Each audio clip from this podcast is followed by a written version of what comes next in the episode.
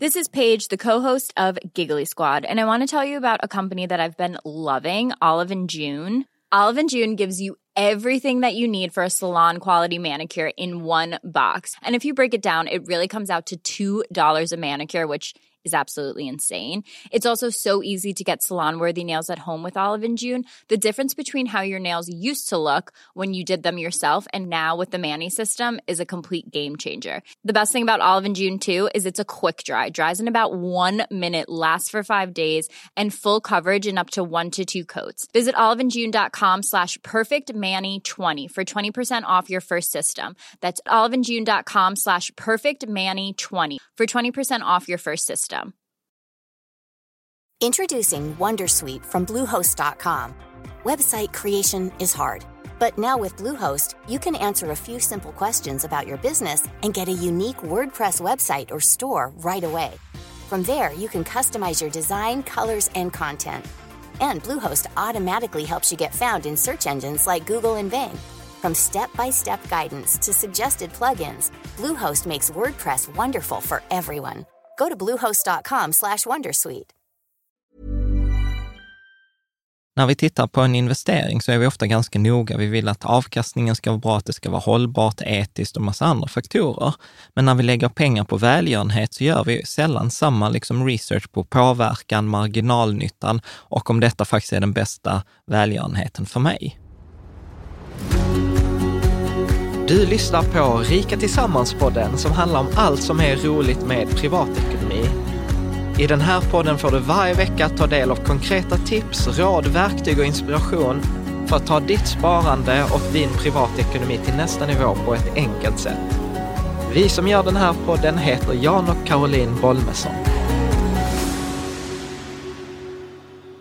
Idag så är det dags för avsnitt eh, 157. Mm. Och eh, idag så har vi med en gäst digitalt, Wilhelm Skoglund. Mm. Och vi ska prata om effektiv altruism. Eh, Hur pengarna som man donerar till välgörande ändamål ändå gör störst nytta. Ja. Om man nu kan liksom räkna ut det på något sätt. Ja, Mm. Nej, men jag tyckte ju det var jättespännande. Wilhelm var ju en, en läsare som följer, följer bloggen och, och sen så pratar han så här, liksom så här, men Jan, du vet, vi pratar ju alltid om hur investeringar ska ha liksom bästa effekt, hur man ska få högst avkastning till lägst risk, att vi försöker optimera liksom avkastning och risk och liksom hållbarhet och massa andra faktorer. Mm. Och så sa han så här, men så borde man ju tänka i flera områden. Och till exempel så sa han så att jag vet att ni är intresserade av välgörenhet. Och så kan man ju också tänka, liksom att var gör mina pengar bäst nytta? Mm. Och jag tyckte att det var superspännande eftersom det var ett, liksom ett område som jag inte riktigt har funderat på det sättet, utan Nej, nej det, alltså jag tycker det är fortfarande ett ganska så svårt ämne. Ja. Men det var ändå som att vi fick lite ljusglimtar, tycker ja, ja. vad Mm. tog du med dig jag. Ehm, från intervjun med Wilhelm? Ja, men det var ju att det ändå går liksom att, eh, att fundera ut. Om man, om man liksom har ett område som man tycker är behjärtansvärt, man vill stödja, så kan man ändå via någon slags diskussion ändå med kanske Effektiv altruism Sverige få en uppfattning om hur ska, hur, vad ska jag donera pengarna för att det ska liksom ha Ja. störst effekt. Ja. Mm. Men att det- det, finns liksom sätt att göra det på, Ja. som man kanske inte själv tänker på. Ja. Ja, men det, det som jag tog med mig också väldigt mycket var att eh, det handlar om det här, tänka tanken klart. Alltså Mm. det som vi så många gånger pratar om i, i till exempel i sparande och investeringar. Kommer du ihåg det här exemplet som vi har haft med, med bibliotekarien och jordbrukaren, där man liksom frågar så här, en person, är det 50-50 chans att han är jordbrukare eller bibliotekarie? Och sen Mm. konstaterar vi, liksom så här, de flesta tänker så här, ja men jag har två yrken att välja på, 50-50 procents chans. Det är få av oss som tänker så här, hur många bibliotekarier finns det i Sverige? Hur många jordbrukare? Ja, det finns liksom 30 gånger fler jordbrukare än bibliotekarier. Ja, vilket är det bor- vanligaste yrket, Vilket är är det vanligaste yrket? Ja, men det bor, jag borde gissa på jordbrukare, för det är mycket vanligare än bibliotekarie. Och ja, det, det men om gör- man bara funderar över liksom hur, mycket, hur många bibliotek det finns eller hur många jordbrukare. jordbrukare det, det skulle kunna finnas i Sverige. Precis. Mm. Och då tänker jag så här, och det ena är ju liksom så här, det snabba svaret, så här, 50-50, det spelar ingen roll. Men lika så- många. Ja, men alltså när man börjar tänka efter så inser man så här, nej men det var inte så, liksom så som man tänkte i första anblick. Och så tänker jag också att från, när, efter det vi har pratat med Wilhelm liksom flera gånger, att nej men så kan man liksom också tänka, vilken organisation gör mest impact? Ja, är, vad är marginalnyttan? Är, är det redan många som är engagerade, som han beskriver, i klimatkrisen?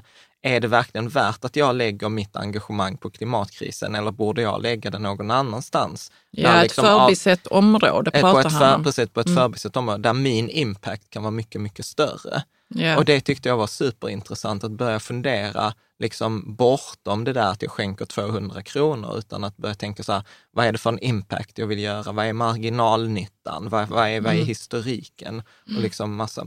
Och ja. vi, vi ja. behöver kanske inte dra hela, nej, nej, precis. hela nej, intervjun med Wilhelm här. Ni ska ju få se den och ja, lyssna på den. Ja, precis. Så jag hoppas att ni uppskattar den, för jag tror att precis som vi så är det många av er som är, liksom, vill göra gott, är, liksom, skänker pengar till välgörenhetsorganisationer. Och detta är liksom ett sätt att levla i den tanken, ja. upplever jag. Mm. Eh, sen, där är inget, detta är inget samarbete, utan Wilhelm är en lyssnare och han då engagerar den ideella organisationen Effektiv altruism och vi tyckte detta var så pass spännande ämne så att ingen ersättning har utgått. Sen är detta på grund av corona så är detta inspelat på distans så att ljudet och bilden är inte helt fantastisk. Eh, men det, men det går att lyssna det på. Det går att lyssna Absolut. på och vi hoppas mm. att du har överseende med att det inte är liksom exakt samma bild och ljudkvalitet. Men vi hoppas att du gillar det här avsnittet och eh, så ses vi nästa söndag precis som vanligt. Så jag tänker att vi släpper på Wilhelm. Mm. Varsågod. Varmt välkommen Wilhelm Skoglund. Du är ju vice ordförande i organisationen Effektiv altruism och vi kom i kontakt för att du mejlade mig och så skrev så här, ja men ni som är intresserade av hållbarhet och investeringar, har ni tänkt på att även i välgörenhet så är det liksom intressant att veta så här, vad är det som gör mest skillnad? Vad är det som gör mest effekt? Och sen så hade vi ett kort samtal och så tyckte jag så här, gud, du har så kloka tankar och det, lär, det där är nog intressant för fler. Eh, så varmt välkommen! Tack för de väldigt fina orden och tack för att jag fick komma med. Jag tänkte egentligen så att kan vi inte börja direkt i, i det här mejlet som du skickade till mig, så skrev du något sånt här att ja men effekt, tanken bakom effektiv altruism är egentligen så här pinsamt enkel. Kan du inte liksom förklara tanken eh, kring det? Mm, jo, men det, det gör jag så gärna. Det, ja, men det pinsamt enkla, grund, grundfrågan man försöker besvara, det är hur kan eh, jag använda mina knappa resurser för att hjälpa världen så mycket som möjligt? Då, helt enkelt. Eh, och, eh, men, det, det, liksom, det låter så uppenbart när någon säger det som att ja, men det är väl klart att om man försöker göra gott i världen så eh, kommer man försöka göra det så, så liksom effektivt som möjligt, att man gör så mycket gott som möjligt. Men eh, om man tittar historiskt så visar det sig att eh, liksom både personer och organisationer har varit lite dåliga på att eh, ja, men just liksom maximera den nytta man gör. Eh, man har gått liksom lite mer på känsla, lite mer på mage, lite mindre på eh, hjärna och huvud kanske. Ehm, börjat kanske jobba där man, där man står själv och inte tittat på eh, vetenskap och tänkt kritiskt för att just göra så mycket gott som möjligt. Du, du har ju gett, det vet jag, något sådana här exempel tidigare om eh, liksom där man jobbar, så här, vad sa du, avmaskning, eh, eh, liksom man hjälpte barn istället för att ge dem skolmaterial. Kan du, kan du inte ta det exemplet? För det var så här illustrativt vad man kan göra bättre. Ja, men, men det, det är ett sånt bra exempel på där det liksom känns där det är lite liksom ointuitivt. Men om man tänker efter så kan man lägga ihop pusselbitarna också och inse att det är fiffigt att tänka även här. Alltså, det är ett väldigt stort ämne eller liksom område inom, inom välgörande insatser är ju att försöka hjälpa eh, barn, framförallt barn i utvecklingsländer, till bättre skolgång. Då. Och det finns ju många olika approacher. En, en vanlig sak är att man skickar skolmaterial eh, till, till länder i företrädesvis Sub-Sahara. Eh, så försöker man, ja, man tänker att det ska ge utveckling i form av att barnen lär sig mer. Och Eh, det ger ibland lite effekt, ibland inte så mycket effekt. Eh, så då har man testat andra saker. Man kanske skaffar fler lärare till barnen och det verkar inte heller ge så jättebra effekt. Där. Men någonting som funkar väldigt, väldigt bra, det är just det du sa nu, att man ger avmaskningsmedicin till barnen. Då. Så kanske inte är alla eh, här i Sverige som vet, men det är många barn i, i många länder, i utvecklingsländer, som, som har väldigt ont i magen för att man har helt enkelt mask i magen. Då. Och kan man ju bara tänka sig själv. Om man sitter och har väldigt ont i magen, dels så kommer man inte ens kunna gå till skolan och i den mån man kan gå till skolan så kommer det vara väldigt, väldigt svårt att lära sig någonting. Så att genom att ge avmaskningsmedicin till barn så kan man alltså åstadkomma hundrafalt mycket mer eh, för barnens skolinlärning eh, än om man ger dem skolböcker. Det, det, det är liksom rätt häpnadsväckande tycker jag och, och coolt. Liksom, att om man känner till det så kan man hjälpa många fler barn. Mm. Mm. Men hur, har man, hur vet man att det är så? Hur har man mätt det? Liksom? Att man får bättre resultat? Det är en jättebra fråga. Det är väldigt svårt att, eh, att veta liksom exakt vad det är för resultat. Men eh, de som vann Nobelpriset i år, så Esther Duflo och, och Michael Kremer och Vanja Rek, som jag inte kan uttala så bra, de, de fick ju Nobelpriset just för att de har forskat på sånt här och tittat, eh, liksom, följt barn över lång tid och så ser man hur de utvecklas. Och, just vad gäller skolgång så, så brukar man, det måttet man brukar använda det är ehm, om en, eh, hur många års perfekt skolgång en viss intervention eh, ger. Då. Så att låt säga att jag ger avmaskningsmedicin till alla barnen i den här skolan. Hur många års perfekt skolgång motsvarar det? Och ett års perfekt skolgång det är ett års eh, liksom, singaporiansk skolgång, för det är tydligen världens bästa skola. Mm. Så det, det, kräver ju helt, kräver helt enkelt en rejäl insats i form av att man följer barnen över tid och tittar hur det går för dem, hur mycket de lär sig, hur de presterar i så här generiska tester. Mm. Men jag tänker också så här att det är ju inte kanske så himla sexigt. Jag tänker så här, men så här ja, men jag köper avmaskningsmedel. Liksom så här, vad har du gjort för skillnad i år? Nej, men du vet, jag har hjälpt 100 barn gå i skolan. Nej, fast jag hjälpte 50 barn med maskmedel. Jo, men alltså grejen är, jag tycker att det finns en, eh, nej det kanske inte är så sexigt, men det skapar ju ändå någon slags diskussion kan man väl säga. Vad är det egentligen som gör skillnad? Ja. Och varför ska man ens hjälpa barn till en bättre skolgång? Det kan ja. man också fundera över, för, alltså att man gör det lite på automatik. Ja. Och att man inte funderar över att ja, men då kommer det leda till att det, ett, kunskapsnivån höjs i ett land och vad leder det till? Jo, att ja. människor blir mer kritiska till saker eller tar egna beslut, egna initiativ och så vidare. Mm. Alltså jag tycker att det kan leda till en bra diskussion ja. om man bara ruckar lite på alltså det är var man lägger pengarna någonstans. Ja, det, det, Eller hur, Wilhelm? Ja, det, det, är en fantastisk, förlåt, det är en fantastisk sam, samtalsstartare. Vad, vad, köpte, vad har du köpt? Vad, jag köpte 100 kilo avmaskningsmedel. Alltså så här, det inbjuder till följdfrågor. Ja. Ja. Nej, men så är det ju faktiskt Men, men jag tycker båda är inne på något väldigt, väldigt intressant här. Dels då bara kanske lite emotionella, det här med att man förstår att det kanske är lätt för hjärtat att ta över när man vill hjälpa till. För det, det är många liksom psykologiska effekter som spär på det. Man, man ser en person framför sig som man kanske vill liksom göra något väldigt konkret för. Jag vet inte, ge en filt till eller något sånt där. Men man tänker inte på vem, vem skulle jag göra det här för egentligen? Om jag hade verkligen tänkt efter så kanske jag hade insett eh, att jag hade kunnat göra andra saker som var fiffigare. Och det du var inne på Karolina också med, men vad ska det här leda till i längden? För det är en sån superintressant fråga som uppstår sen. Okej, okay, de här barnen blev mycket bättre i skolan, men vad ledde det till? För då måste man tänka, ja, men vilka skolor hjälper vi och vilka områden? För vissa områden, då kanske man inte kan göra så mycket mer. Det finns liksom ingen infrastruktur som kan hjälpa de här barnen vidare. Det behöver inte vara ett skäl till att man inte hjälper dem såklart. Men det sätter ju ändå liksom igång då vidare frågor om hur man kan göra på sitt sätt. Mm. Mm. Jag vet vad jag tänker på, Caroline, direkt här. Eh, jag tänker på den här Daniel Kahneman som fick Nobelpriset för det att han säger att vi har två system i hjärnan. Att vi har ett system där vi tänker liksom snabbt och, och, liksom, och sen har vi det där långsamma. Och, och, jag tror att fram tills nu när, när, när, du pratar så har jag alltid tänkt välgörenhet. Så här, men välgörenhet är gott, det är enkelt, det är så här, pengar till SOS Barnbyar så är det färdigt. Man ställer sig aldrig, eller jag ställer mig aldrig följdfrågorna, gör, gör de här pengarna effekt? Jag har, jag har Jo, helt, men det har du väl ändå tänkt i vissa fall? I vissa fall, men jag har aldrig utvärderat två välgörenhetsorganisationer Nej, inte mot, mot, varandra. mot varandra, så som jag gör med investeringar Nej. till exempel. Mm. Men, men Wilhelm, kan vi själva, så kan människan, människan tänka ut vilken som är det mest effektiva sättet att eh, bedriva, alltså göra välgörenhet? Kan vi verkligen tänka ut det? För det verkar vara så otroligt många parametrar liksom, som spelar roll. Och så hur ska man, alltså man blir helt handlingsförlamad nästan. Ja, men jag, vet jag, jag känner, nu jag vet jag mig, inte vad jag ska göra för ja, Man känner sig nästan lite dum. Ja, man känner sig lite dum ja. ja. Det, det gör jag hela, hela dagarna. Nej, men jag, jag, tror inte att man kan säga eh, den här är effektivast. Men det som är, det är liksom orders of magnitude. Det är så himla stor skillnad på de lite mindre effektiva och de mer effektiva. Så utan att vara den mest, mest effektiva så, så kan man nog säga att den här är lite bättre än, än den där.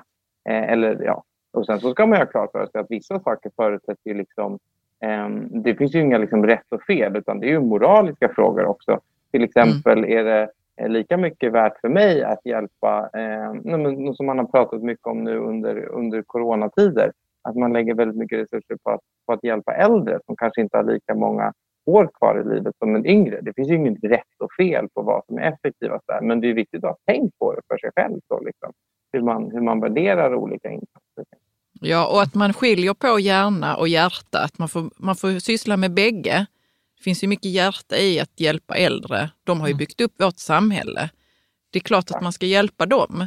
Ja, men det finns, ju, det finns ju många som har, som har eh, tänkt mycket på det här. Då, helt enkelt. Mm. Eh, effektiv altruism har ju faktiskt ut, eh, utvecklats till ett forskningsfält. Det finns institutioner ja. på Oxford och Harvard och sånt där, där, de, där de tänker på det väldigt övergripande eller väldigt så, på, um, så kan man säga att det är tre, eh, liksom två grundfrågor man ställer sig. Så dels är det då eh, vilket område man jobbar med. Det finns ju massa saker eller massa sätt att förbättra världen på. Och sen så, så liksom, vilken lösning eller hur jobbar man inom det området. Då?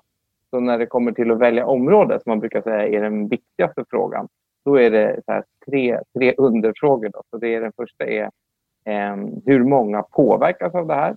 Den andra är hur lösbart är det här problemet? Och den sista är hur liksom översett, eller neglected säger man på engelska, är det här problemet. Så skala, det är helt enkelt om man tänker sig ett scenario där man, där man löste problemet, hur bra skulle världen bli då? Eh, hur mycket, och, och, här så kan man tänka sig att ja, men, eh, om man jämför två olika saker, så om, ja, men nu med, med covid-19 då till exempel, om vi hade fått fram ett vaccin, det hade ju uppenbarligen hjälpt väldigt, väldigt många människor. Dels hade det besparat många liv eh, och dels så hade det liksom gjort att hela världen kunde börja fungera igen. Då. Eh, om jag hade hittat en kur till en väldigt ovanlig sjukdom, Kaposis sarkom eller någonting, då kanske inte lika, det hade varit bra, men det hade inte påverkat lika många människor. Eh, mm. och sen så den här um, tractability heter det på engelska, eller om det är lösbart. Det, det, kan ju vara, det kan ju vara någonting som är ett superstort problem. Det påverkar jättemånga, men om vi inte kan göra någonting åt det, då kanske det inte är så himla effektivt att jobba med det i alla fall. Ett klassiskt exempel som man brukade prata om det är åldrande. Så det orsakar väldigt mycket lidande. Människor blir äldre, man får inte kroppen, kroppen slutar fungera. Det, det, det har man sagt, det är problematiskt men vi kan inte göra någonting åt det. Eh, nu börjar man ifrågasätta det lite i och för sig. Man kanske kan liksom rucka lite på det. Mm. Och den sista och kanske nästan viktigaste frågan det är då eh, hur, hur förbisett är det här problemet? Hur många är det som ägnar sig åt det? Och det var verkligen sån en game changer för mig när någon introducerade det, det begreppet för mig. Och så jag har till exempel alltid varit väldigt intresserad av klimatfrågor och tänkt att det var det jag skulle liksom ägna livet åt. Jag skulle vara en förkämpe där. Jag tror att alla håller med om att det, eller alla, de allra, allra flesta håller med om att det är ett väldigt, väldigt stort problem. Vi vet att det här kan orsaka väldigt mycket skada för världen. Vi vet också att det finns effektiva sätt att åtgärda det här. Men det är ju redan så himla många smarta, duktiga människor som tänker på det här och som lägger sin tid och sina pengar på det. Så att min insats här och liksom den marginaleffekten jag kan ha, den kanske inte är så jättestor. Då kanske jag kan arbeta med ett område som är lite mindre i skala eh, och kanske lite svårare att lösa, men som det inte är någon som har försökt lösa. Mm. Hängde ni med på det? Mm. Ja, absolut. Ja, abs abs abs Men får jag bara fråga, alltså det här med effektiv eh, välgörenhet, gäller det liksom bara att, att vi ska ge, se till att människor har det så bra som möjligt? Eller är det liksom jorden eller eh, vad, eh, vad är tanken där? Superbra fråga. Jag skulle säga det, det är bra att du sa det. Alltså, när jag pratar nu så är det ju Ville som pratar och jag utgår ju från effektiv altruism. Men det finns inte att alla som som liksom hänger sig åt effektiv altruism tycker och tänker exakt likadant. Men, men eh, de allra, allra flesta tycker att det är kännande varelser man, man bryr sig om. Så att många bryr sig väldigt mycket om djur eh, och många bryr sig väldigt mycket om framtida generationer. Så att det faktum att någon inte är född idag spelar inte stor roll. Liksom, utan vi ska se till att det är en bra värld för, för många som kommer i framtiden också. Då. Och man gör liksom inte skillnad mellan människor i sitt hemland eller människor i något annat land. Så där, utan det är, kännande varelser överlag som de flesta brukar byta. Mm. Okay. Mm. Jag, jag, jag, tänker mer, alltså, du har ju berört ämnet, men så här, vad ser du som de vanliga misstagen som, som man gör? Som, liksom, för jag tror att många här känner igen sig, jag tror många som lyssnar på det här har något välgörenhetsengagemang. Man har SOS Barnbyar eller Unicef eller, eller liksom Läkare utan gränser ja, eller något annat sånt. Ja. Mm. Vad, vad, vad, ser du är liksom så här, när du tittar på människorna där ute? Vad är det vanligaste misstaget som du upplever de gör? Ja, det är en jättebra fråga. Man kan, man kan, jag tror man kan dela upp det i två olika sätt. Alltså dels liksom när folk engagerar sig eller bidrar i form av pengar och sen så när folk bidrar i form av tid. Mm. Så, vad gäller pengar, så en, en så väldigt vanlig sak som brukar dyka upp i diskussioner i, det är hur, mycket, hur höga administrationskostnader olika organisationer har. Så vill man ge till något som har väldigt, väldigt låga administrationskostnader. Mm. Eh, och det skulle jag säga är, är, lite tokigt. Att man borde egentligen titta på vilken effekt har, har eh, den här organisationen. Och de sakerna kan ju hänga ihop. Liksom. Men, men det är ju effekten vi bryr oss om till syvende och sist. Eh, mm. Dessutom blir det lite konstigt för olika välgörande organisationer håller på med helt olika saker. Så att, att en har låga administrationskostnader och höga administrationskostnader, det, det säger liksom inte så mycket. Eh, och här kan man liksom bara för att göra det mer intuitivt dra parallell till att köpa vad som helst annat. Liksom. Om jag ska köpa en, en ny TV, då vill jag få så bra TV som möjligt för pengarna. Jag bryr mig inte om Sony har höga administrationskostnader i sin organisation. Tvärtom kanske jag tycker det är bra att de lägger mycket pengar på eh, R&D, research and development, att de kan ta fram fiffiga, ny, bra tv-apparater. Eh, och så tycker jag att man ska tänka vad gäller, vad gäller eh, välgörenhet också. Då. Ja. Jag, jag tänker vi ska, vi ska, låt oss stanna kvar för jag tycker detta är superintressant. Ja, där finns ju ett TED-talk, det har sagts av Dan Palotta, Ah, uh, som heter The way we think about charities is dead wrong, yeah. tror jag att det heter. Och han är ju inne på precis det här. Och sen så pratar vi då, när vi pratar med en kollega, Caspian, så sa han också, ja det var ju mycket väsen om någon väl, välgörenhetsorganisation som hade lagt upp helsidor i New York Times och annonserat och lagt och folk var så här, hur kan ni lägga de här miljonerna? Och sen, på, på reklam? På reklam, liksom ja. på helsidan New York Times. Medan de var så här, ja fast du vet, vi har tredubblat mängden pengar vi fick in, vilket gjorde att vi kunde göra tre gånger så stor effekt. Så, liksom, så vad är dina tankar och, och liksom, varför tror du att vi gör det här misstaget, att vi tittar så mycket på administrationskostnad? Ja, ja, eh, det är en väldigt, väldigt bra fråga. Mina tankar är att jag, jag, jag delar den åsikten också, att det, det är lite konstigt. Det är väl jättebra att man lägger pengar på marknadsföring om det gör att man får in ännu mer pengar så att man kan hjälpa ännu fler människor eller kännande varelser. Så det är ytterst det jag bryr mig om då, i alla fall. Ja. Men är, kan det vara så här, så här, nu bara spekulerar jag högt, så här, känns, ibland känner jag mig så här, snillen spekulerar, man vet aldrig liksom riktigt vad som kommer. Men, nej, men att det är men lite så här kanske som det är inom forskningen, att gör du forskning för pengar så är det lite fult. Gör ja, du välgörenhet, ska du tjäna pengar på välgörenhet så är det lite fult. Att då är det lite så här, nej men det ska vara, och, så, och, och det värsta är så här nu när jag pratar med dig, då blandar vi in altruism. Att, att, alltså förstår du, att det blir liksom så här att om jag inte, om jag, om jag tjänar pengar på det eller om, ja, men att det ska vara så, ja men det ska vara givmilt och det ska vara gratis och, och man är lite yeah. ful om man tar betalt och är man leverantör till en välgörenhetsorganisation så ska man skämmas lite när man skickar faktura. Ja men det, ja, men det är lite, lite skam. Kan, mm. kan, det, kan det Vi vara? har väl föreställning om att det ska vara så rent ifrån allt som har med med, eh, med kommersiella, vilket, är, vilket är så konstigt. Vad, vad tänker du? Nu har vi pratat på här. Nej, men jag, jag, jag tror verkligen att ni är inne på någonting här. Och det, det ska jag också bara säga, för ni, ni kommer in på något väldigt, väldigt viktigt. Att effektiv altruism, det skulle jag nog säga att alla effektiva altruister håller med om att det spelar ingen roll om jag blir glad av den. Det är väl bara fiffigt. För då blir det ännu mycket mer välmående i världen av min insats. Så det handlar bara om hur mycket liksom, nytta man kan skapa. Att det skulle vara självuppoffrande eller något sånt där. Det, det har liksom inget mervärde ur, ur, ur, ur mitt perspektiv. Då. För, för att för att vi gjorde, eller jag gjorde en intervju med, eh, med Trine, eh, som är så här eh, vinstdrivande bolag som arbetar med att finansiera solpaneler runt om i världen. Och jag och grundaren hade ett jättespännande samtal, för då vi diskuterade detta, alltså impact, det var det vi pratade om. Vi pratade om impact liksom på, på marken och så pratade vi den impact som for profit, eh, alltså för vinstdrivande företag gör och non-profit, alltså ofta de här NGO-erna, alltså non-governmental organizations. Och, och, vad han konstaterade var att det, de tendenserna de såg i sina projekt var att de vinstdrivande projekten hade en större impact särskilt om de då gav en avkastning till de som hade finansierat projekten. För att då sa han så här att skillnaden är ju att ett non-profit-projekt, ofta de får in pengar, det är en begränsad livslängd och sen försvinner liksom pengarna, för sen behövs pengarna till något annat. Där liksom och så försvinner man från det området. Och så försvinner och då, man från det liksom- området. Liksom, och det, jag har sett det så många gånger på plats. I, liksom, faller ja, det man har gjort, ja. utfört. Med, medan som det var for profit så sa han så här, då uppstod en grej som de sa så här, detta hade inte vi tänkt på innan, men om då någon hade investerat pengar, fått avkastning, då hade de ju fått avkastning på det de hade satt in och då tenderar de återinvestera den avkastningen egentligen, vilket gjorde att det blev så här ränta på ränta-effekt i de projekt, att det blev mer och mer pengar eh, eh inblandat i. Ja, ja. Över, över tid. Har, har du liksom, så här, har ni pratat om så här for profit versus non-profit? Eller är det så här, egentligen tänker jag så att det borde vara en irrelevant fråga om impacten är där på andra sidan. Vad, vad tänker du?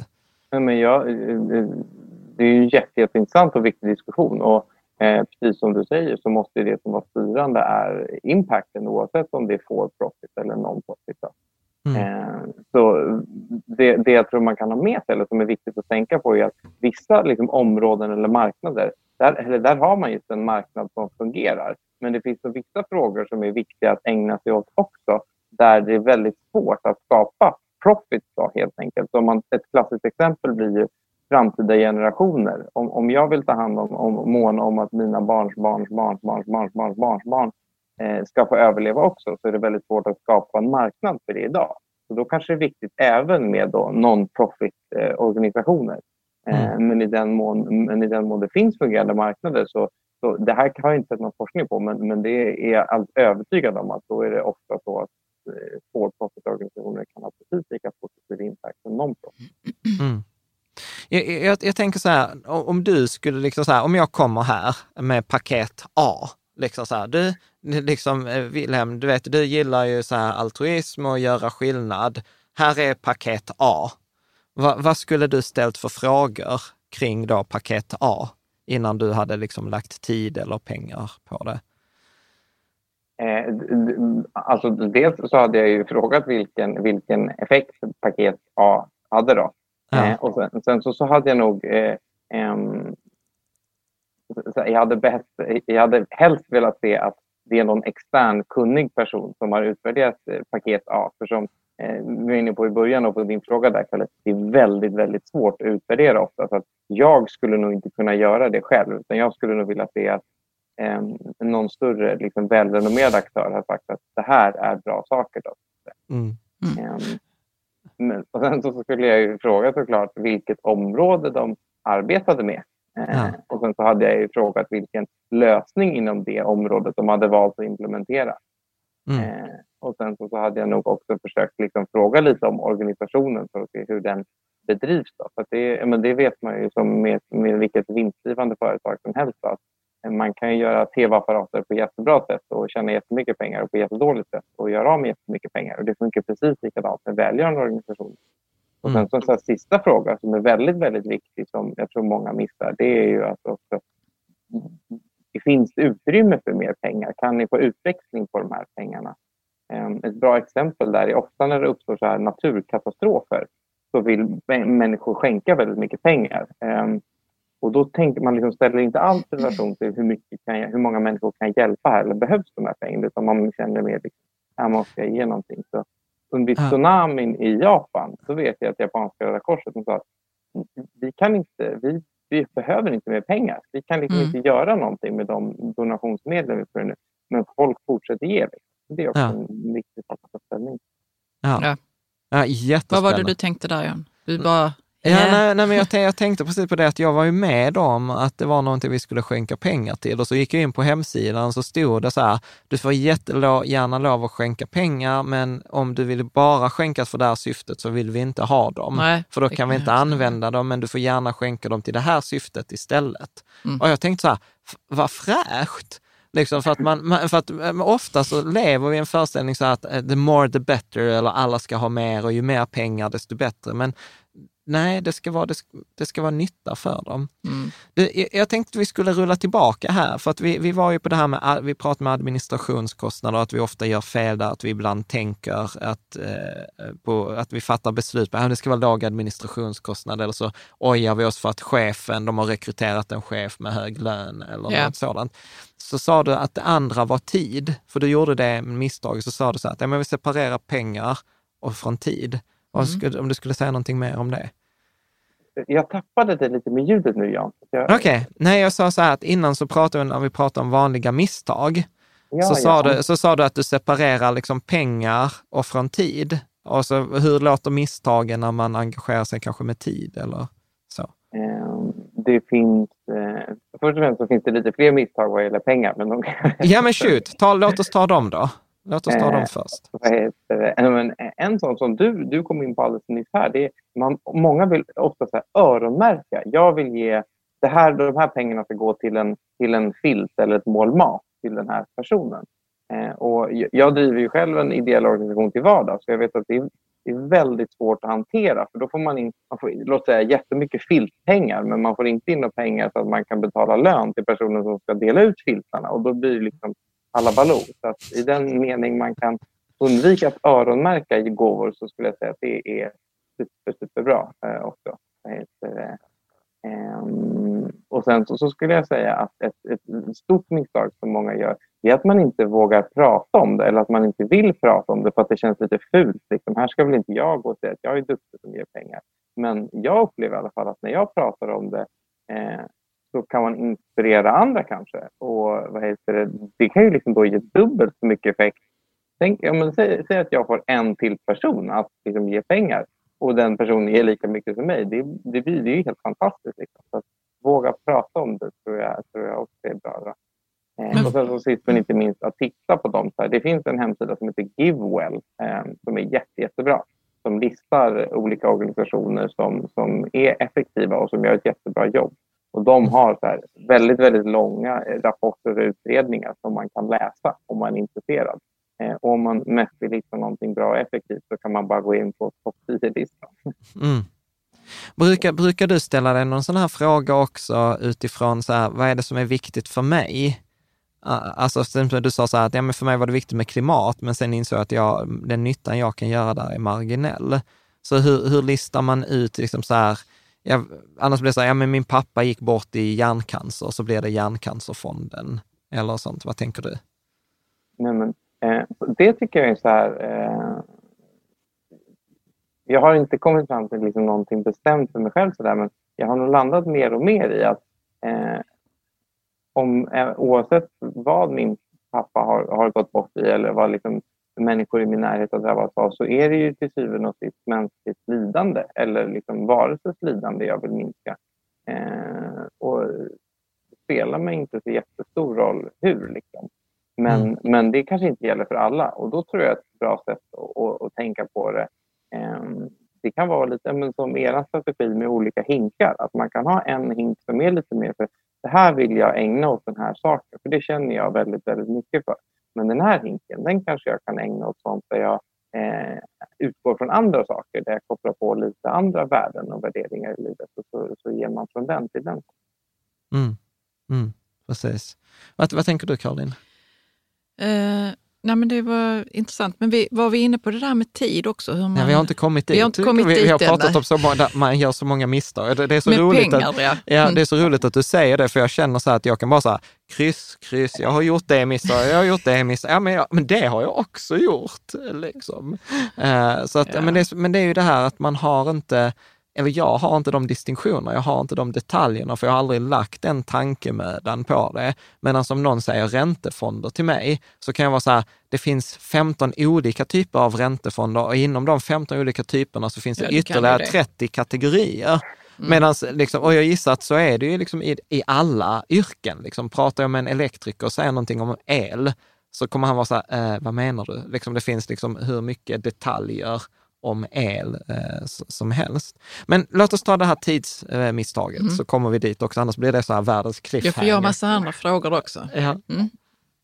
Eh, nej men så här, det, det, övergripande misstaget det skulle jag säga att man har, man har en ganska narrow bild på vilket sätt man kan bidra. Så att, eh, om, om jag säger engagera dig eller liksom bidra till världen genom, genom tid, då tror jag att de flesta lyssnare tänker att ja, då ska man volontärarbeta för, för en typ Röda Korset. Liksom. Men att det finns, ju, det finns ju så himla många olika sätt eh, man kan bidra med. Så här, fyra huvudkategorier som man brukar prata om i effektiv altruism är dels då forskning. Om man tittar på saker som har liksom gjort världen bättre, då är det ju väldigt, väldigt ofta det grundar sig i forskning. Ett superexempel är Norman Borlaug som tog fram liksom beständiga vetesorter som har bara räddat alltså, miljontals människor från liv, eller har räddat från en svält.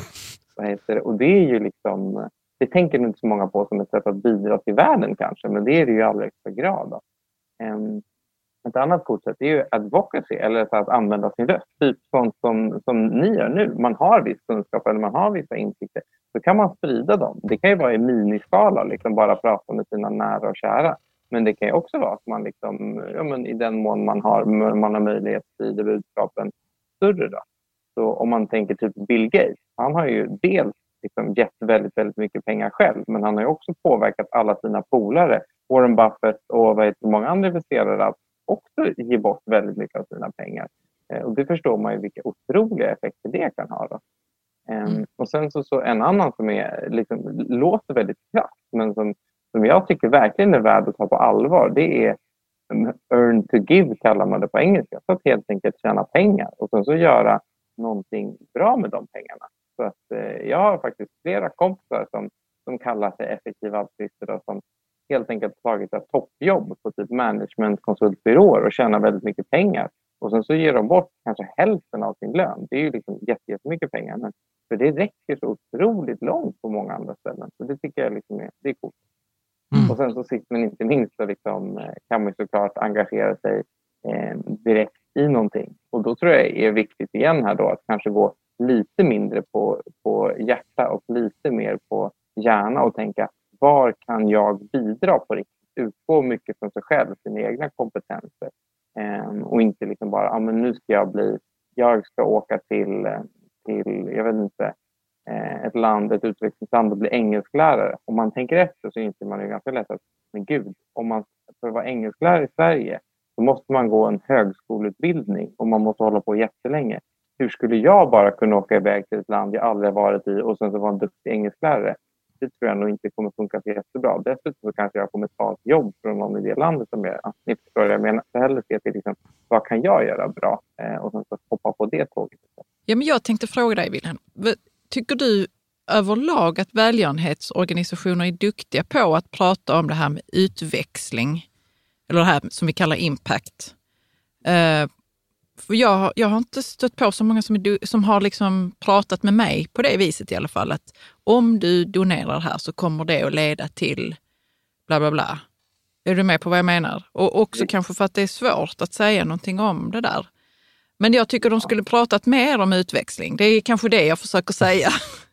Ja, nej, men jag, jag, eh, jag eh, håller med dig om att, att eh, många organisationer tyvärr är ganska, ganska dåliga på det. Ehm, och det tror jag är både för att många har dåliga, dålig koll själv på vad de har för, liksom, um, vad de har för effekter och för att man kanske inte alltid är intresserad av att, av att dela med sig då, um, av, av, olika skäl. Men, men det är ganska förståeligt också. Det finns den här Ja, men du var inne på Kahneman förut. Han, det finns många liksom, spännande psykologiska experiment på vad som funkar i kommunikation för välgörenhetsorganisationer. Ehm, eh, det, det, det första liksom, verkligt insatsen eh, tyckte jag var, det var, det var på Carnegie Mellon. Så skulle, de skulle kolla helt enkelt på vad får folk att ge till, till välgörenhetsorganisationer. Så då Eh, gick de runt på stan så valde de ut slumpmässigt valda människor. Och så liksom frågade man vill du vara med i ett forskningsexperiment. Du behöver svara på några frågor och du får fem dollar för det här. Då.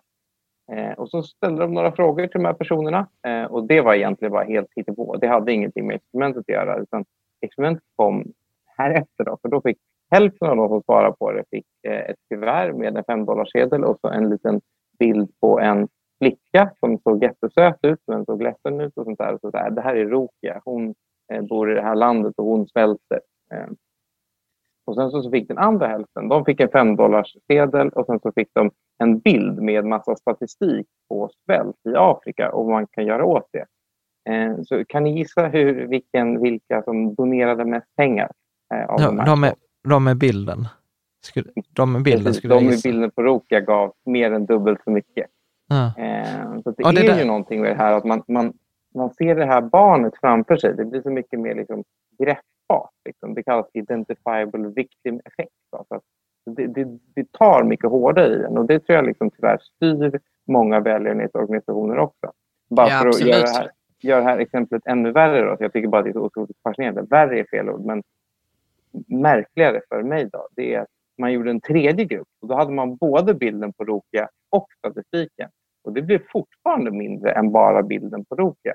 För det mm. verkar som att när man liksom kopplar på det rationella, då börjar man ifrågasätta massa saker och tänker att ah, men jag vet inte hur mycket utveckling jag får på det här. Utan då, det att det bara blir jobbigt. Liksom. Mm. Ja, men nu blir det jobbigt här med, med ja, men jag, men jag, jag, jag, tänker på det där, jag tror det var avsnitt 116, som vi, som gjorde, gjorde. Mm. som vi gjorde om eh, så här, peng, eh, liksom så här, om inte pengar gör dig lycklig så spenderar du dem fel.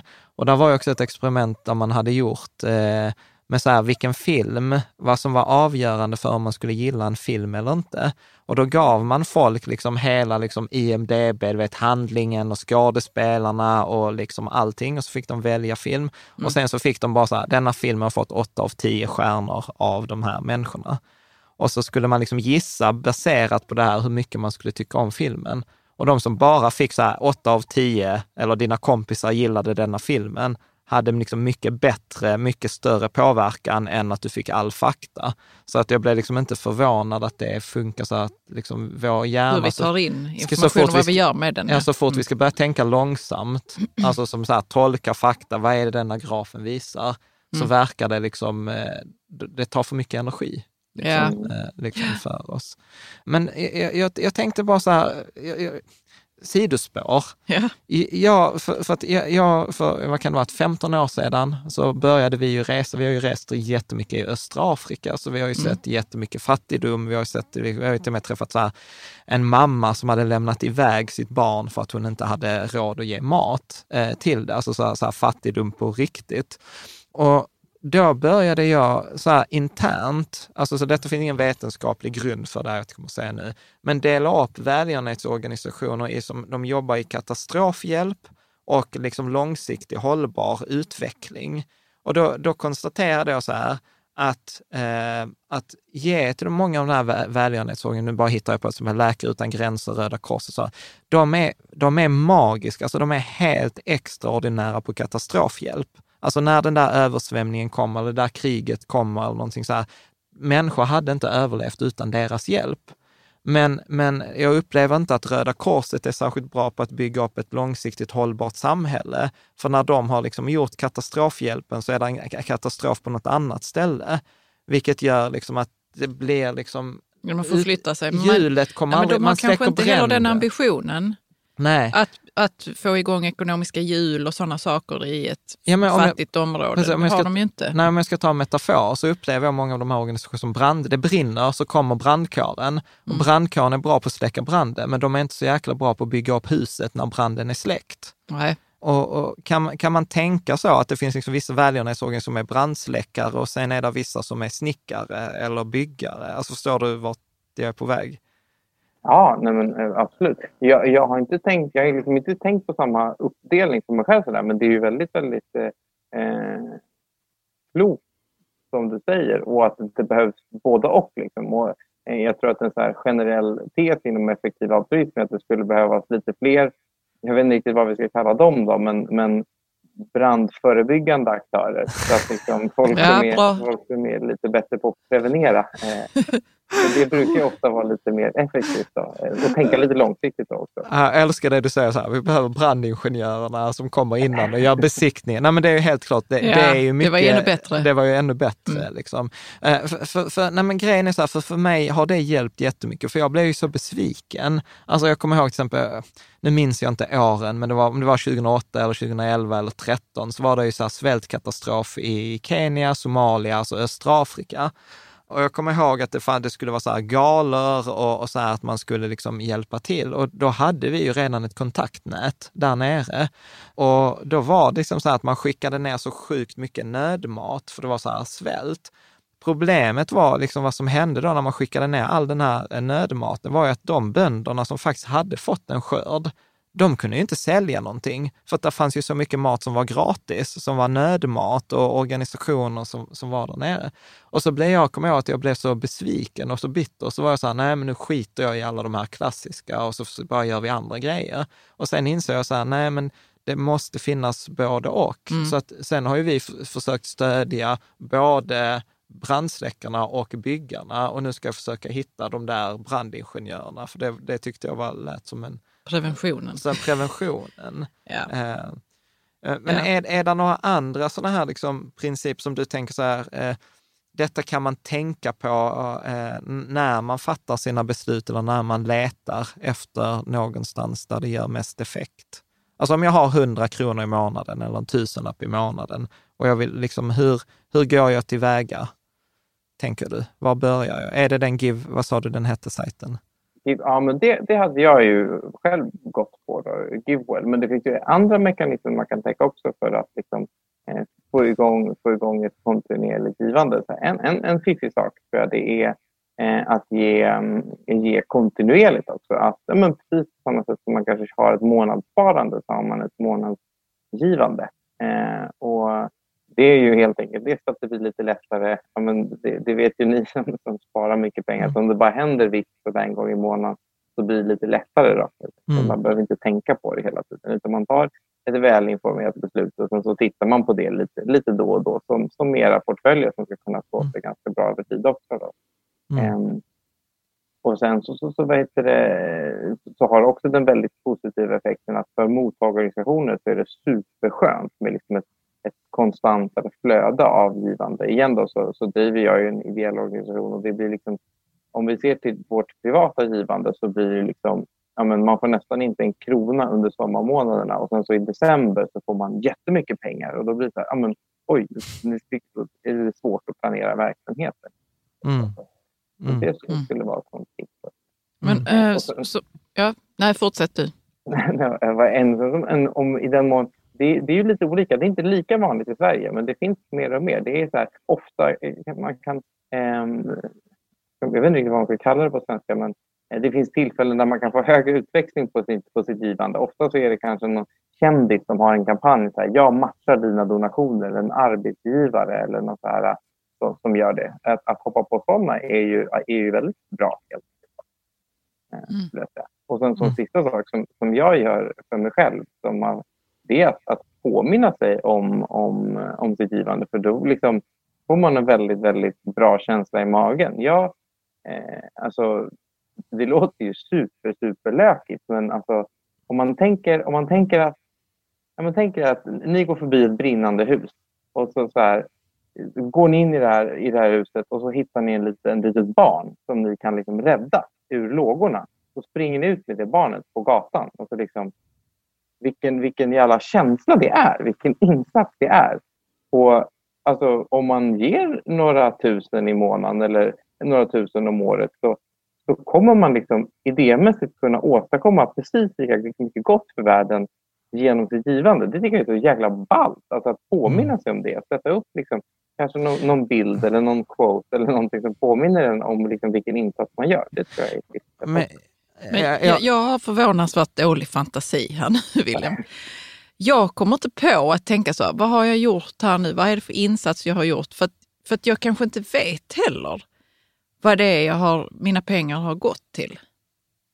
Ja. Nej, Är du med? Nej, men, nej, men, det, det är ju en jättebra sak du, du kommer in på. Här. Att hitta en sak som, som känns tillräckligt bra ur ett eget perspektiv. Det finns ju eh, organisationer inom olika områden som är effektiva och som gör jättebra saker. Så att jag tror att det är viktigt att hitta någonting som lerar med en själv. Det tror jag absolut. Mm. Och samtidigt som man har då, eh, impacten med sig. Så både hjärta och hjärna. Då.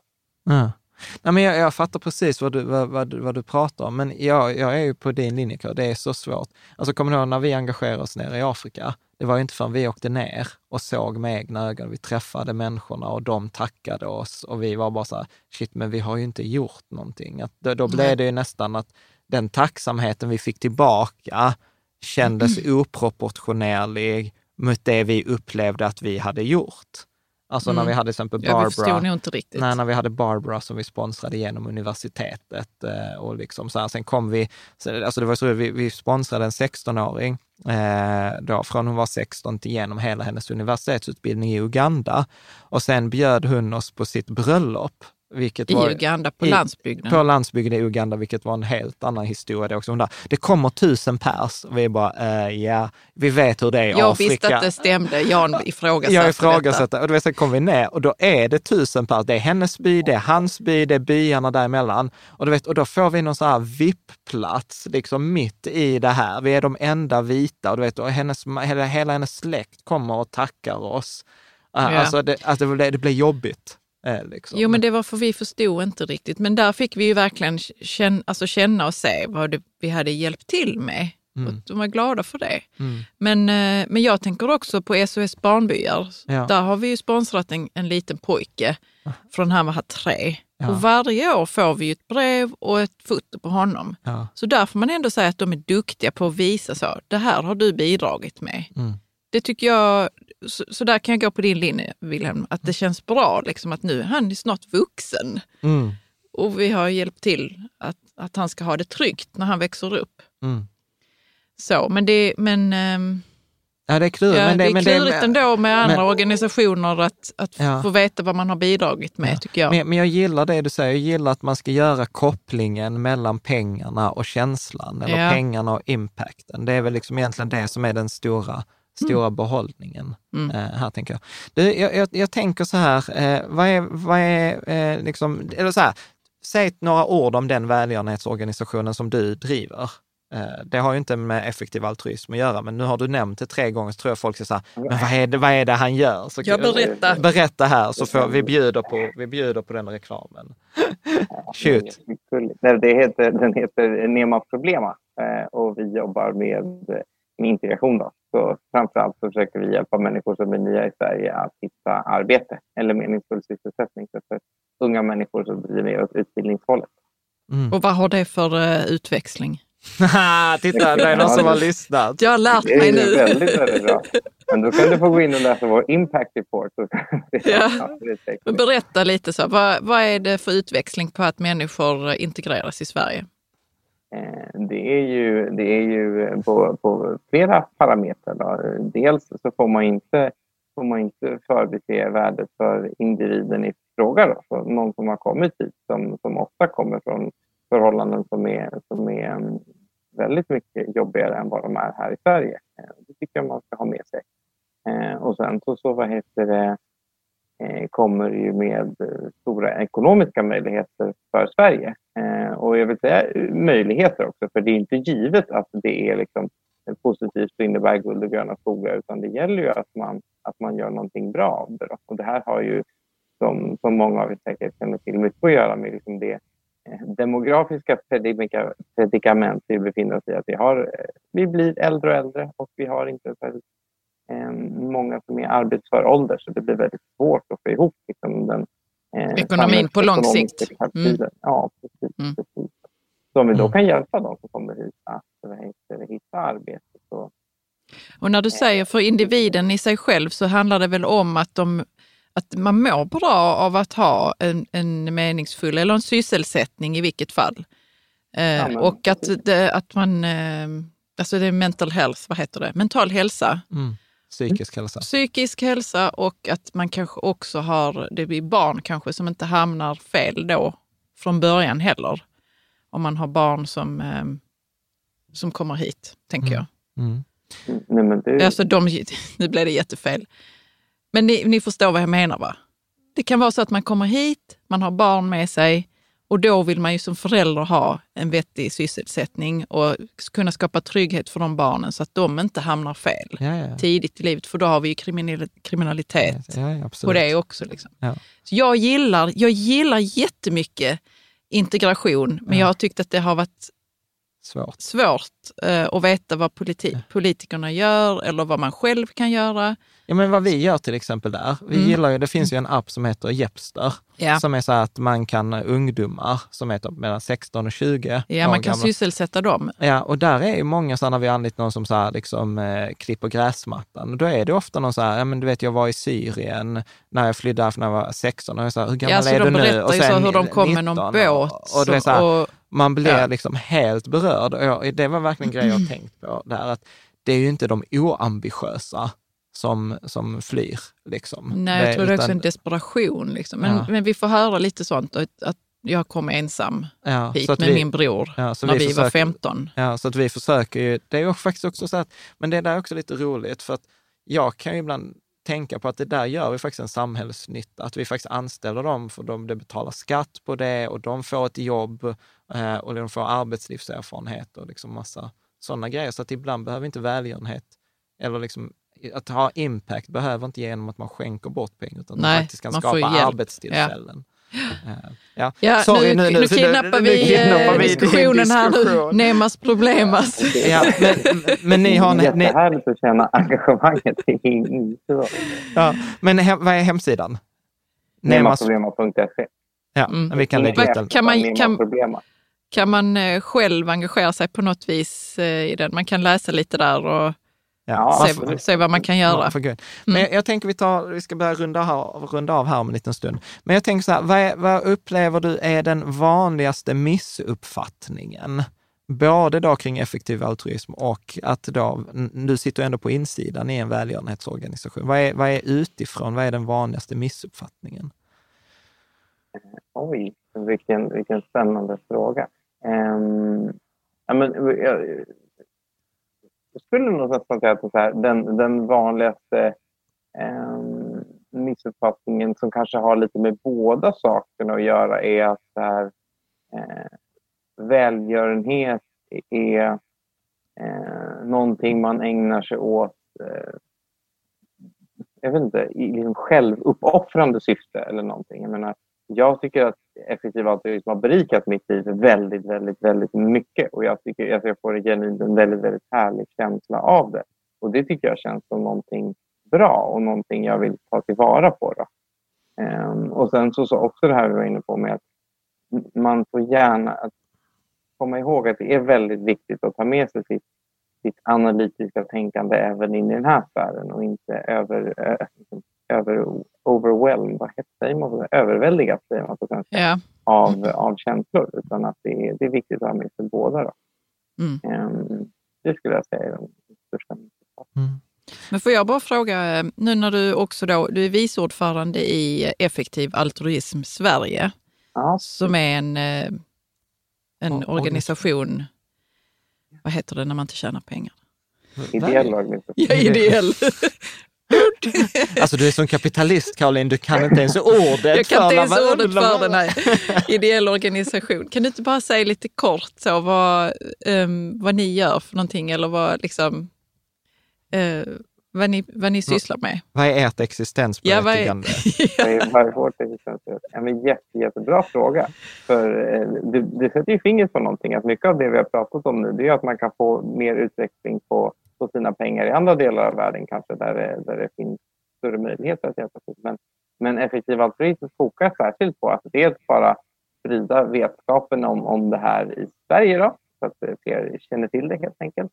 Och sen Mm. så, så framför allt att hjälpa eh, unga, eh, duktiga svenskar som vill bidra till världen på, på ett effektivt sätt. Och så att, vet, ni, ja, men, ni vet säkert på alla universitet och grejer så finns det ju massa mässor och så här. Ja, men kan man, om man, jag pluggade juridik då, till exempel. Då, eh, någon här, vad heter det? karriärdag där alla största juristbyråer som står om man vill bli affärsjurist. Och det är inget fel i det, men, men det var inte det som tilltalade mig. Men om man då liksom vill ägna sig åt något annat, som man kanske tänker ha ett annat syfte eller ska vara mer världsförbättrande, då är det jättesvårt att veta hur man ska göra. Liksom. Så att, eh, det försöker mm. vi hjälpa, hjälpa unga människor med, att använda den där tiden man har på bästa möjliga sätt. Mm. Är du jurist i grunden då alltså? Eh, ja, jag har pluggat. Jag är eh, utvecklingssociolog och jurist. Så jag pluggade mm. i USA. En, en, en enda utvecklingssociologi finns inte i Sverige. Det är inte utvecklingsstudier i Sverige. Mm. Men, mm. Och sen så jurist. Mm. Mm. Spännande. Jag tänker att vi ska runda av här. Är där eh, någonting, liksom så här, vad önskar du att fler visste? Eh, vad önskar jag att fler visste? Oj! jag önskar att fler att fler kände till effektiv altruism. jag tror att, nej men på riktigt, om, om, om folk fattade hur mycket bra man kan göra med sina, med sina om, man, om man donerar några procent av sin lön eh, och hur mycket fantastiskt man kan åstadkomma i världen genom att, genom att tänka och, och titta lite på vetenskap, så tror jag att världen skulle vara så väldigt, väldigt mycket bättre. Eh, så, så det, det hade jag önskat att folk orkade tänka lite på och, och grunna på hur, hur fantastiskt mycket de kan göra för världen. Mm. Va, va, vad tycker du är de coolaste grejerna du har hört? Alltså för att när man är inne i en bransch, då hör man ju alltid historia. Vad är så här liksom, shit, detta lät coolt eller detta visste jag inte. Alltså så här, vad dyker upp i ditt huvud? Eh, nej men alltså, det måste jag säga att första gången jag liksom introducerades för, för liksom tanken eller, eller konceptet eh, eh, neglectedness som det kallas. Då. Så hur, hur, övers, förbisett någonting här. Liksom, på svenska. Det, det var så här game changer. Vi började tänka mer alternativkostnader. Ja, just det, för om jag lägger alla pengar på eh, klimatkostnader då innebär att det här inte kommer eh, kunna hända. Eh, eller alltid då, på, på klimatförändringar så innebär det att det här inte kommer kunna hända. liksom, den mentala switchen skulle jag säga var väldigt, väldigt eh, betydelsefull för mig. Då. Men var det inte det vi pratade om också på telefon? Eh, du och jag så sa så här, nu vet jag inte om det var hjärnforskning eller diabetes eller någonting, så sa du så att ja, men det är många som skänker till det. Och så tänker man inte på att ja, men där forskar ju företag för flera miljarder dollar om året för att det är en jättestor marknad. Och det var så här, behöver jag då verkligen också lägga mina liksom, pengar på det? Eller kan jag inte låta liksom, Becton Dickinson eller AstraZeneca få driva den forskningen? Så kan jag ge pengar till något som de aldrig kommer att sätta ja, pengar. Men Jan, så kan du inte tänka. Va? Det ena är ju tillämpad forskning, man ska hitta ett läkemedel som man kan tjäna pengar på. Det andra är att ge till nyfikenhetsforskning. Okej, nu kommer Kau har ju doktorerat, så nu, nu, blir det, nu, nu hamnar vi på Nej, hennes men det spelplan. Så det finns olika sätt att forska på. Ja. Och det men, är när men, företagen vill tjäna pengar på jo, någonting och det då, är fine. Liksom. Ja, men då menar jag så här, om det är en jättestor marknad, alltså, säg till exempel covid-19 nu som mm. vi är mm. mitt inne i. Det känns ju ganska tröstlöst om jag skulle skänka pengar till covid-19-forskning nu. Det känns ju inte som att det är covid-19-forskning, mina pengar kommer att göra störst skillnad, för, för där är så mycket pengar i det branschen redan, att som du säger, så här, marginalnyttan är väldigt låg. Eller, eller så här, tänker jag, är jag helt ute och har jag otur när jag tänker nu? Ja, men du jämför i alla fall fel tycker jag. Mellan nyfikenhetsforskning och tillämpad forskning. Nej, men jag jämför med vad jo, ger mina pengar mest effekt. Och jag jo, men för kolla här nu. Ja, vi, vi behöver kanske inte ta den här diskussionen. Jag ska bara ta det snabbt, Jan. Det finns massvis med människor som har jobbat med virus, ja. som har fått pengar från eh, bidrag ja. och eh, forskningsanslag. Och all den kunskapen den ligger ju till grund nu för, för att man ska kunna hitta ett vaccin till exempel. Ja, men vad är det jag sa som gjorde att du kände dig tvungen att säga det? Det, det var väl ingen invändning mot det? Nej, men du sa att det kändes tröstlöst att liksom donera till någonting som där det redan... redan finns massvis med pengar och det ja. kan det göra. Men jag kan tänka mig också det, att om man nu har tiden så måste man ju ändå hitta där, om man nu tvunget vill ge till covid-19 forskning så måste man ju ändå hitta, var gör det mina pengar mest nytta då? Ja, först då tänker jag så att jag ger ju hellre till den där stackars doktoranden som aldrig får någon finansiering för den forskar på ett, liksom, någon sån här udda sjukdom, än jag ger dem till någon covid-19-grej. För de har ju redan pengar så att det blir över. Ja, det här är ju en, alltså detta är en viktig diskussion därför att den udda sjukdomen, ja. det är förmodligen inte så väldigt många som har den. Ska man då donera till något som inte så många har? Eller hur Wilhelm? Vad är, vad är facit här nu Wilhelm? facit är nog att jag, jag, kan inte ge något facit. Jag är ganska, ganska datadriven kille så jag skulle vilja räkna lite på det. Men att Ja, Bill Gates som ändå brukar tillämpa vissa sådana eh, kostnadseffektivitetsprinciper har donerat mycket pengar till covid-19 talar nog för att det är tämligen effektivt än så länge. Sen är det inte det jag kommer lägga mina, mina donationer på den här tiden. Det är det inte. Ja, ja men vad spännande. Vä- väldigt, väldigt neutralt svar, Wilhelm. Nästa, nästan ett sånt här politikersvar. Bra jobbat. Du, sista frågan, eh, Wilhelm. Är det någon fråga som du önskar att vi hade ställt? Eh, nej, jag tycker faktiskt ni har, ni har eh, fått med eh, massa spännande bra frågor. Jag måste bara tänka nu. Nej, men, nej, men faktiskt. Jag känner mig, jag det- känner mig väldigt, väldigt nöjd. Det är Ja. superkul. Så det känns ändå som att nu under den här timmen har vi strukit på det översta lagret. Ja, Så det, det känns ju som det är rätt mycket mer man kan prata om och gå på djupet med. Och, det, jag, och, och där känns det som att man behöver veta lite mer jag tänk, jag, vet vad, så här Wilhelm, jag tänker att vi rundar av, men sen så lämnar jag en option öppen här, att jag hoppas att du kan tänka dig komma tillbaka. Och så kan vi ta lite läsarfrågor då också, för detta är sånt här avsnitt, vi tog inte in några läsarfrågor, Nej. utan vi var så här, detta är ju så spännande ämne, så detta vill vi ha den här timmen för oss själva. så, så jag hoppas att du kan tänka dig komma tillbaka i framtiden. Mer än gärna. Mer än gärna. Om det är någon som undrar någonting får man gärna höra av sig till mig också. Ja, ja men superbra. Härligt. Du, ett fantastiskt stort tack Wilhelm för att Ja, du tack. kunde ta den här timmen och prata om ja, med ett väldigt, väldigt viktigt ämne som Ja. man te- liksom lägger alldeles för lite tankekraft på. Så att, Mm. tack så hemskt mycket för ditt bidrag. Tack för att jag fick vara med. Superkul.